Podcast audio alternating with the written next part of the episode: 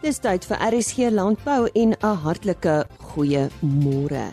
Ons uh, gesels vandag met True Cape oor hulle besigheid en ook uh, tendense in die bedryf wêreldwyd wat appels en pere betref. Ons uh, eerste wolmarkverslag vir 2019 kom ook aan die beurt en dan bly ingeskakel 'n interessante gesprek wat ek gehad het oor die Tankwa bok. Ons gesels eersins ver oggend met die bestuurende direkteur van True Cape, Rolf Pinaar. Rolf, goeiemôre. Vertel eers vir ons presies wie is True Cape? Dis baie dankie en goeiemôre vir jou luisteraars. Ehm um, True Cape is 'n organisasie wat appels en pere bemark. Ons word besit deur 'n uh, klompie produsente uh, in Ceres en in Elgin. Uh, ons bemark meer as 5 miljoen kartonne elke jaar en ons is in 104 lande wêreldwyd. So ons is in bemarking, ons word deur produsente besit. En en wat is julle visie presies? Dink die uitdaging vir ons is is om uh, daar's baie bemarkingsorganisasies, maar ek dink die verskil tussen tussen 'n Truecape en die res is ons word deur produsente besit.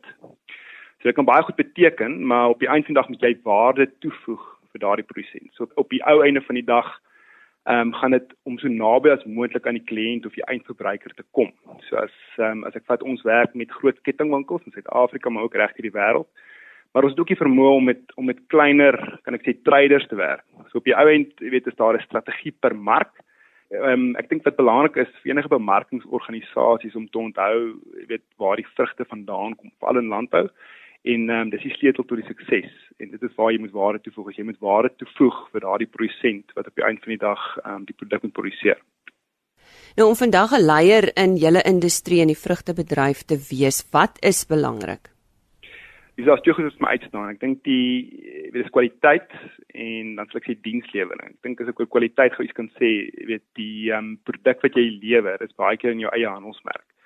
Nou dit vat jare om uh, om 'n goeie naam op te bou en en en ongelukkig vat dit net een slegte eetervaring van 'n verbruiker ehm um, wat jou handelsmerk ongelooflik aan skade berokken. So so kwaliteit, jy weet reg oor die wêreld of dit nou in Afrika is en of dit nou in die Verre Ooste is of dit nou hier lokaal is, is kwaliteit krities. Ek dink die tweede ding wat ek gesê het is dienslewering. So met ander woorde, ons moet ehm um, as organisasie moet ons kan ehm um, ons moet kan doen wat ons gesê het ons gaan doen. Met ander woorde, ons moet ons beloftes nakom en En al hierdie wat ek nou gepraat van kwaliteit en dienslewering kom op die einde van die dag, jy weet dit bou jy die verhouding en jy bou 'n verhouding met 'n kliënt wat strek oor jare, selfs dekades.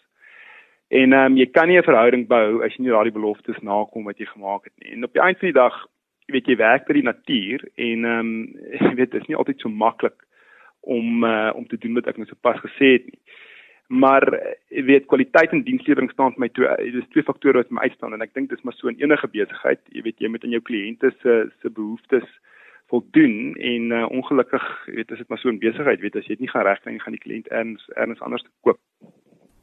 Nou kom ons uh, spog bietjie saam met julle. Wat se suksesse het julle nou tot dusver behaal wat dit nou betref? Ek is seker julle kwaliteit is goed en julle dienslewering is goed maar miskien kan jy bietjie daarop uitbrei Ja, ek dink jy weet ek het gesê van die 104 lande waarin ons is. Jy weet ons is ehm um, as ek vir die helfte van ons produk word op die Afrika kontinent verkoop. So ek dink as jy my vra wat sukses het ons behaal, ek dink die appelbedryf in Suid-Afrika het eintlik 'n goeie goeie werk gedoen om om Afrika as 'n kontinent en as 'n mark te bou.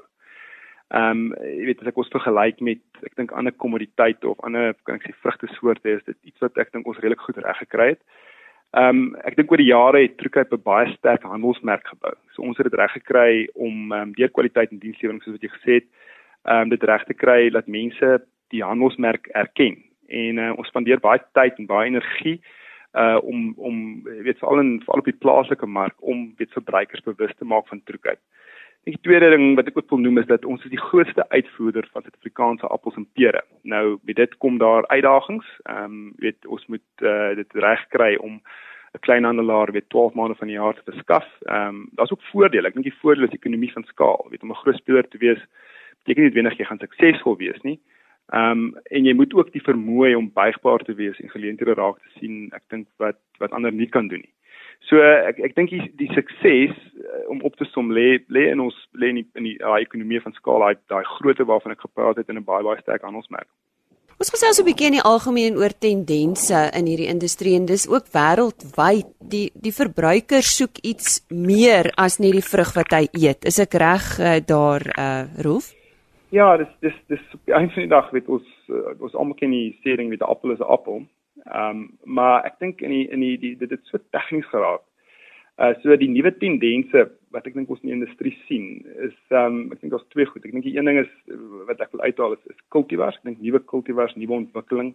Uh, ons het 'n persoon by Trukuit Buxnel wat ehm um, hy fokus net op nuwe kultivars. So Bux se se fokus is om is om nuwe kultivars te soek en en en en om op die voorpunt te bly van nuwe variëteite.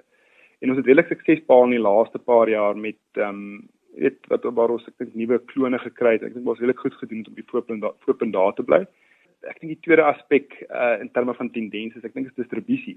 Ek het vroeër verwys na Afrika en die belangrikheid van Afrika as 'n mark uh vir troekheid en nie vir appels in geheel. Ek dink of Suid-Afrikaanse appels, ek dink distribusie om om jou kliënte intyds vinniger te kan verskaf is 'n redelike uitdaging veral in ontwikkelende markte. Jy weet waar daar nie jy weet die die die effek van die kleinhandelaar word nog nie regtig gesien nie. En uh, ons het so paar dae terug het ons 'n uh, fasiliteit in Johannesburg sit die diep opgesit en dit het ons die vermoë gegee om om nader aan die kan ek sê eindverbruiker te beweeg. Met ander woorde, jy kry die tendens dat kliënte, veral jou groter kliënte bestel meer gereeld, maar kleiner volumes.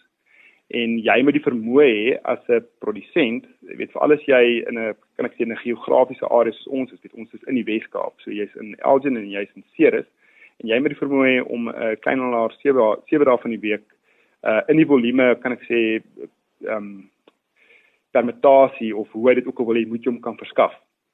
En ek dink ehm um, jy weet die een of die speler wat dit die beste gaan regkry, dis die een wat gaan sukses behaal.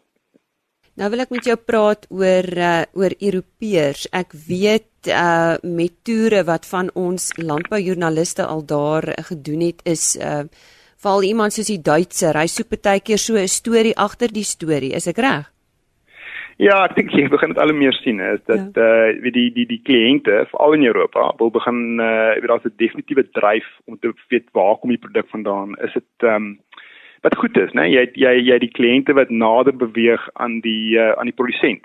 Jy weet in die verlede sou jy miskien weet jy sou weet agente gehad of middelmanne en daar's definitief 'n dryf uh, weet van daai kliënt om nader te kom. En dit is so, dit is goed om 'n om 'n goeie storie te hê, jy weet in en en en geloofwaardigheid hê in daardie storie. So van Truecape se kant af het ons vir die laaste paar jaar gefokus ons noem dit good news stories waar ons um jy weet vir mense begin vertel het uh ons het 'n poging om mense te vertel van van wat in landbou aangaan, wat ons wat ons produsente goed doen uh vir die gemeenskap, vir ontwikkeling, um vir die omgewing. En ehm um, en ek vind dat jy weet veral veral weer eens in Europa en die VK, weet die die die die die valie kettingwinkels reg nog ons waarde aan dit. So jy weet dit is ehm um, en ek dink daai tendens wat ek nou beskryf het, ek dink dit gaan voortduur. Ek dink jy gaan dit sien waarskynlik in in in in die Verre Ooste, die Midde-Ooste. Ehm um, jy weet die die die eindverbruiker wil begin, jy weet daar's 'n definitiewe fokus op wat mense eet en wat mense verbruik en en en weet wat ons op die op die vrugte spuit om dit met ander woorde te kan kommersieel verbou. Nou om mee af te sluit Roof en baie dankie dat jy bereid was om met RC Landbou te gesels. Uh, hoe adresseer julle die uitdagings met betrekking tot uh, droogte en voedselsekerheid? Ek dink jy weet dit het daar het landbou baie verander oor die laaste paar jaar. Ek dink die ehm um, die effek van van die algemene inflasie, uh jy weet met kostes wat styg, het uh produsente forceer om meer effektief te produseer en ek dink uh, jy kan dit reg hierdie ketting vat jy weet van 'n uh, Truecape kant af moet ons meer effektief bemark. Ehm um, so uh, jy weet opbrengs per hektaar is ongelooflik belangrik. So 'n produsent moet ook meer doeltreffend wees en ek as ek die Weskaap vat uh, weet 'n jaar later weet ons is uh, ons is in terme van 'n watersituasie weet is dit is dit kan ek sê beter hierdie jaar as wat dit in weet verlede jaar was. Maar ehm um, jy weet ek dink die droogte het ons forceer om um, meer effektief met water te werk te gaan en ek dink in sekere gevalle nou weet produseer ons met dieselfde hoeveelheid water weet is weet boer ons meer hektare weet op stel ek sê dieselfde of selfs meer. So jy moet gekyk het na weet tegnieke weet irrigation on demand daai tipe van goed om um, om dit aan te spreek. So Ek dink daar's 'n definitiewe daar's 'n fokus van almal in die ketting um, om weet so effektief as moontlik te wees en dit dra by tot weet ek dink hoe dit dra by tot hoe daai uitdagings ons van droogte en die voedselsekerheid al aanspreek. Die besturende direkteur van True Cape, Roof Pinaar, wat uh, vroeër met ons gesels het oor hulle besigheid en ook tendense wêreldwyd wat hierdie bedryf betref. Vir ons eerste wolmark verslag van 2019, Jolandi Rood. Die wolmark verhandel hoër en die Cape Wools Merino aanwyser styg met 4,2% en 863 punte om te sluit teen 'n waarde van R216,48 per kilogram verskoon wol. Die Australiese EMA het met 3,6% toegeneem. Die Cape Wools alle wol aanwyser verhoog met 3,9%. Die eerste veiling van 2019 het met 4,2% toegeneem in lyn met aansienlike prysstygings in Australië. Daar was stewige mededinging veral vir goeie merino langwol.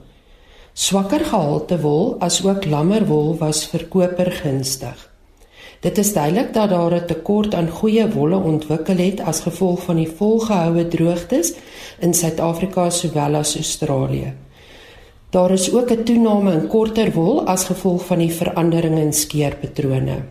Die prys van sterker wol, 19,5 mikron is op en het meer toegeneem as die fynere wol as gevolg van groter fynwol aanbiedings in Australië, as ook 'n groter persentasie wol wat negatief beïnvloed word deur voeding as gevolg van die droogte.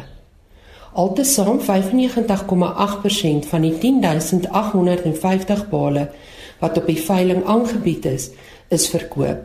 Die grootste koper op die veiling was Madiano SA met 3467 bale Standard Wool SA met 3446 bale, Lembrier SA met 1693 bale en Tianyu SA met 1306 bale. Die gemiddelde skoonwolpryse vir die seleksie binne die verskillende mikron kategorieë goeie langkamwol tipes was soos volg: 18 mikron styg met 2,3% en sluit teen R240,33 per kilogram. 18,5 mikron neem toe met 1,8% en sluit teen R239,10 per kilogram.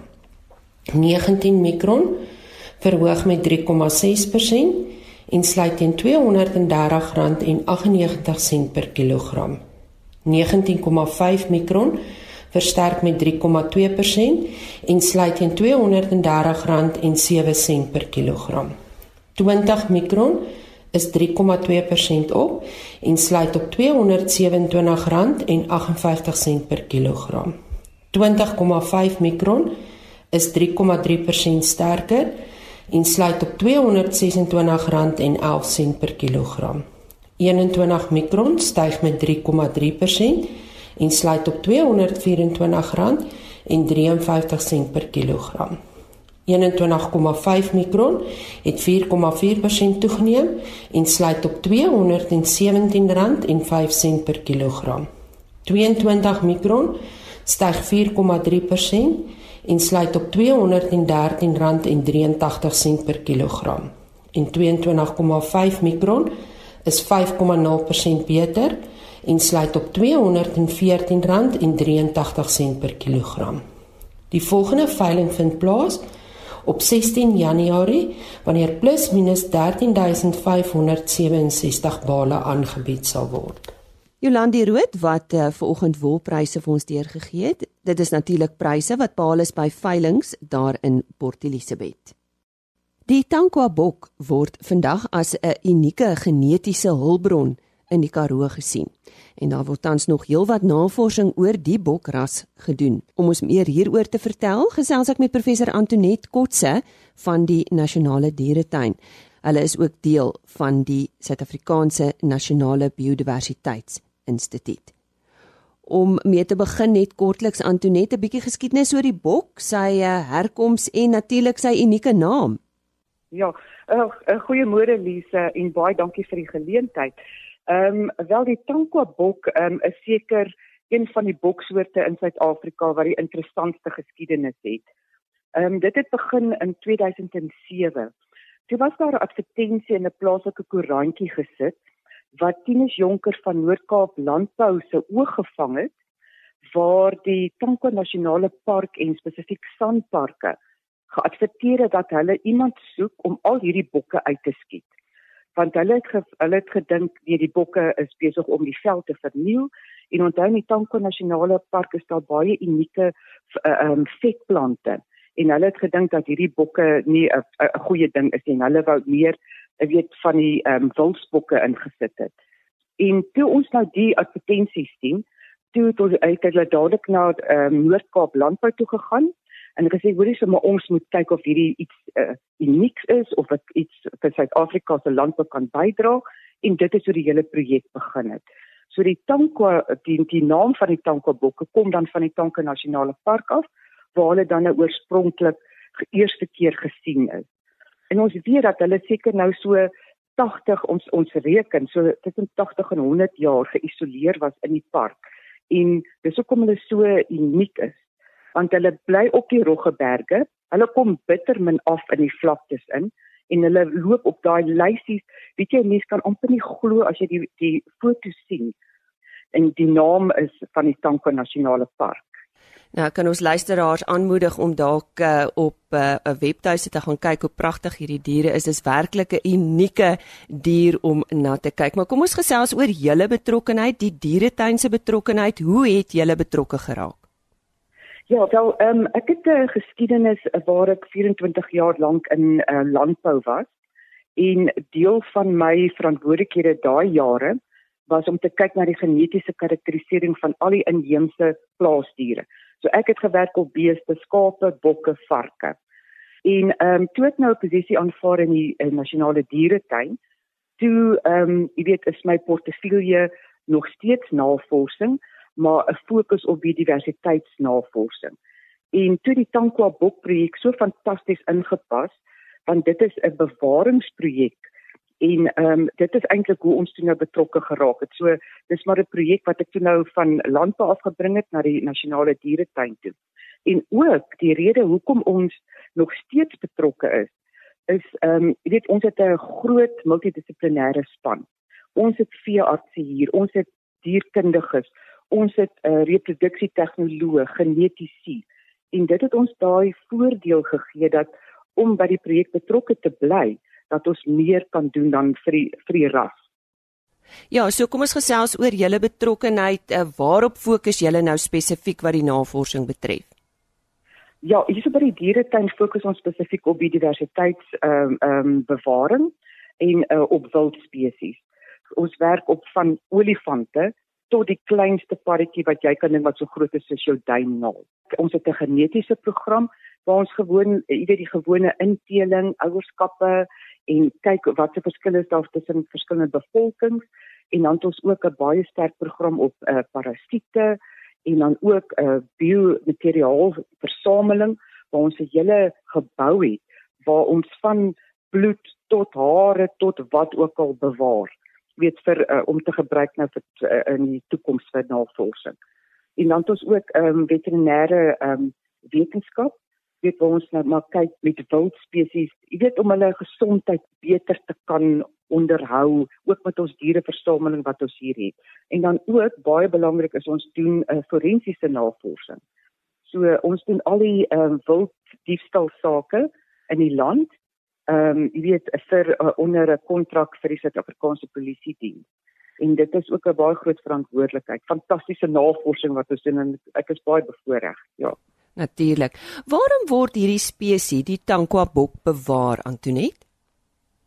Wel daar daar's verskeie redes, maar ek dink die belangrikste een is ehm um, Suid-Afrika uh, het die ehm um, konvensie vir biologiese diversiteit onderteken um, in 2005 en met daai ondertekening uh, het die land eh, ehm uh, um, jy weet gesê hulle gaan bydra tot genetiese bewaring van van alle tipe spesies. En ehm um, wat wat so uniek is nou is dat jy weet daar's een uh, soort van teken binne in hierdie konvensie wat sê dat alle plaas of gedomestiseerde diere, maar ook sosio-ekonomiese belangrike en kulturele belangrike spesies moet geneties bewaar word en hulle moet ook in stand gehou word. So ek dink dit is een van die hoofredes van hoekom ons hierdie spesifieke bokras wil bewaar. En ook dat ehm um, jy weet die Noord-Kaap is 'n is amper 'n arm landbougebied.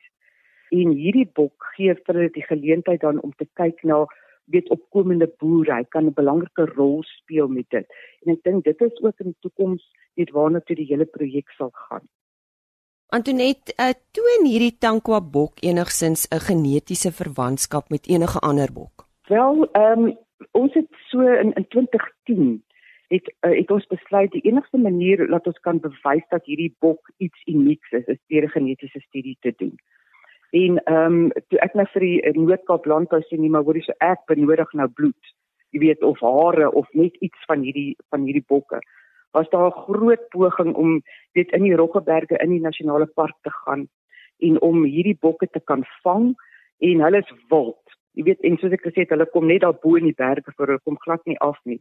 So hulle het vangkrale gebou en toe het hulle begin met 'n sensus en hulle het van die bokke toe nou uh, gevang met groot gesukkel en toe dit nou na die Kanaarvan ehm um, navorsingsstasie toe geneem daar by Kanaarvan en ehm um, toe was dit nou moontlik om ehm um, biologiese monsters te kry en toe het ons nou begin met 'n genetiese studie.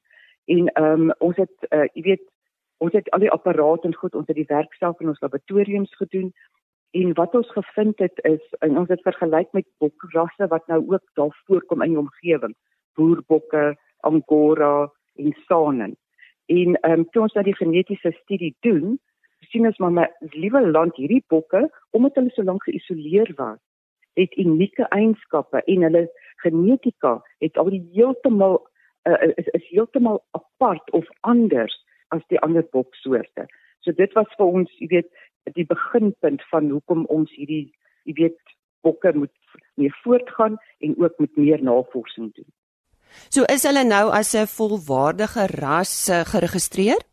Wel, weet jy, ons het nou in Junie 2017 aansoek gedoen by Departement Landbou um, om die uh, jy weet om die bokke nou te ehm um, kan ek sê registreer as maar as 'n landras. En ja, on, ons uh, ek dink hulle is 'n bietjie agter met hulle werk, so ons wag in spanning om jy weet om daarmee nou die uitslag te kry want die die minister van landbou ehm um, jy weet gaan dit nou teken. So sodra ons dit gaan kry, dink ek gaan ons groot fees vier. Want dit gaan maak dat daar erkenning is in Suid-Afrika en ook in die wêreld vir weet dat dit 'n landras is. So watter navorsing word nou tans gedoen op hierdie bokke? Ehm um, baie navorsing. Ehm um, ons ehm um, gaan so twee keer per jaar so vir vir 'n paar dae. Dan gaan ons om ehm um, biomateriaal te versamel en ehm um, dit is byvoorbeeld ons vat bloed, hare, parasiete, ons doen selbiopsies, enigiets moontlik wat kan bydra tot toekomstige navorsing en dan bewaar ons daai daai monsters.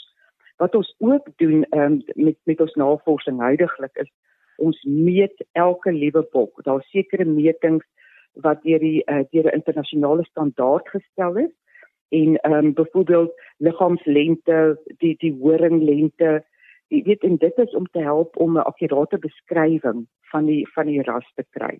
Dan weeg ons hulle ook elke elke jaar en ons neem ook foto's. So ek dink hierdie bokke is jy weet die die die die bokgroep wat nou by Kanawin is is die mees uh, ondersoekste boksoort in Suid-Afrika en jy weet ek dink selfs in die wêreld. En ehm um, wat ons dan ook doen is ons gaan aan met die genetiese werk So ehm um, jy weet omdat ons nou ook oorbeweeg na nuwe tegnologieë toe, bly ons by wat hulle in die res van die wêreld doen en dit is om ouerskappe te bepaal dat ons kan weet dat een ram byvoorbeeld nou nie die pa van vele is nie dat die genetiese diversiteit behou word in in die in die kudde. Dan ook baie interessant ehm um, versamel ons semen van die bokke om te kyk na vrugbaarheid. Ons database is nou so groot, ons het meer as 800 diere se biomateriaal wat ons nou bewaar het. Ons het ehm um, meer as 2000 strooitjies semen. Dit vir ingeval daar 'n katastrofe is, dan sal ons weer met hierdie bokke kan aangaan. So ja, daar daar daar word baie navorsing gedoen. Antoinette, ja, om af te sluit, wat lê nog voor wat navorsing betref? Baie interessante goed, meestal uh, studenteprojekte. Ons uh, kyk na vleiskwaliteit, na uh, ons gaan ook kyk na embrio bevriesing, Dan gaan ons kyk na klimaatsverandering. Hoe het hierdie bokke so fantasties aangepas in daai unieke omgewing? En dan ook uh, gaan ons aangaan met die genetiese navorsing, elk kyk om die genetiese gesondheid te bewaar en dan ook reproduksiebiologie om jy weet om te kyk wat se wat is die beste manier om semen te bewaar, seisonale verskille en so aan. Ja, so so baie interessante navorsing wat wat nog gaan aangaan in die toekoms. Ja, baie insiggewende gesprek wat ek gehad het met professor Antoinette Kotse is van die Nasionale Dieretuin en soos ek gesê het, hulle is ook deel van die Suid-Afrikaanse Nasionale Biodiversiteitsinstituut en sy het met ons gesels oor die Tankwa bok. Ons gesels dan weer môreoggend met u net so skuins na 05:30, so onthou om dan in te skakel. Ons praat uh, onder andere met Agri SA oor 'n landbou sensus. Tot môre dan. Totsiens. RSG Landbou is 'n produksie van Plaas Media. Produksieregisseur Henny Maas. Aanbieding Lisa Roberts. En inhoudskoördineerder Jolandi Root.